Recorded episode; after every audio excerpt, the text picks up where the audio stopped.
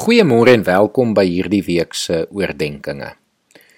Karel Barth, een van die mees invloedryke moderne teoloë, skryf die volgende woorde: Wanneer mense worstel met die waarheid, wanneer hulle die diepste en moeilikste probleme van die lewe in die gesig staar, wat altyd teologies van aard sal wees, word die kerk gefestig as getuienis van die waarheid. Dit is 'n kwessie van tyd voor menslike vermoë, planne, denke en idees misluk. Daarom is dit so belangrik dat ons nie daarop sal staatmaak nie, maar wel ons antwoorde in die lewende Here sal vind. Antwoorde waarvan die Bybel getuig. Antwoorde wat deur die eeue deur soveel gelowiges bevestig is.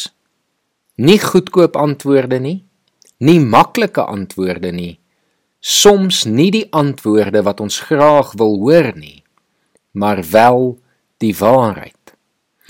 Ek wil jou nooi om dus hierdie week te worstel en te dink en te soek na die diepgaande waarheid wat ons in Jesus Christus se verlossing vind. Ek wil jou nooi om die goedkoop antwoorde van die wêreld te bevraagteken. Ek wil jou nooi om in gebed en in God se woord die antwoorde te ontdek en jou eie te maak sodat jy ook in hierdie wêreld 'n getuie kan wees van die waarheid. Hoe vind ons hierdie waarheid? Die moderne samelewing en veral die postmodernistiese bewegings het almal vir ons die indruk geskep dat waarheid nie werklik bestaan nie, maar dat dit 'n perspektiewe waarheid is, dat elkeen sy eie waarheid kan hê, dat iets waar kan wees in 'n spesifieke omstandighede, maar nie in 'n ander nie. Dit is egter nie hoe ons as gelowiges met die lewe wil omgaan nie. Vir ons is iets waar of dit is nie. Daarom moet ons wanneer ons iets oor God sê, seker wees dit is waar van God en dit is altyd waar en in alle omstandighede waar. Kom ons neem een stelling wat ons oor God bely.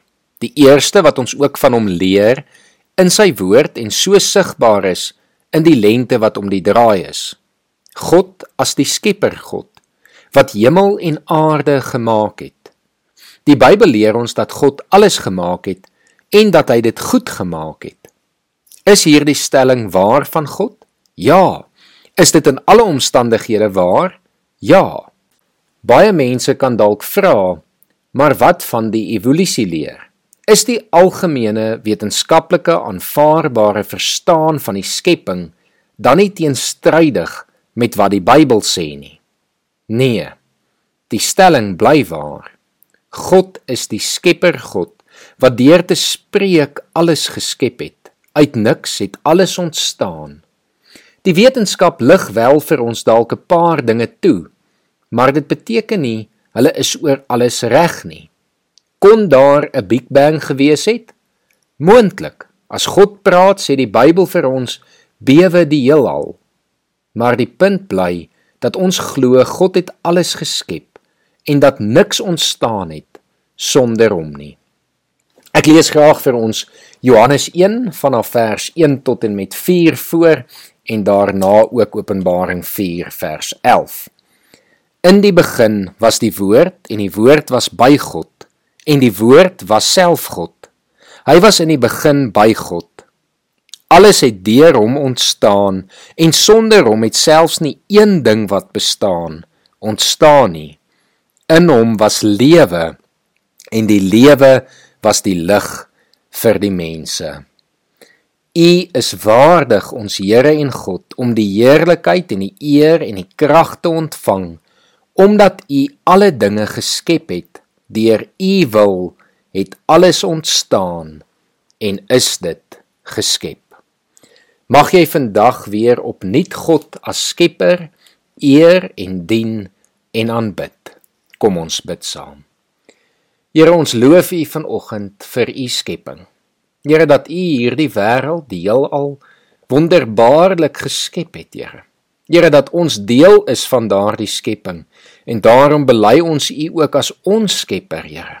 Here mag ons dan ons lewe aan U wy want U is dit waardig. Ek bid dit in Jesus se naam.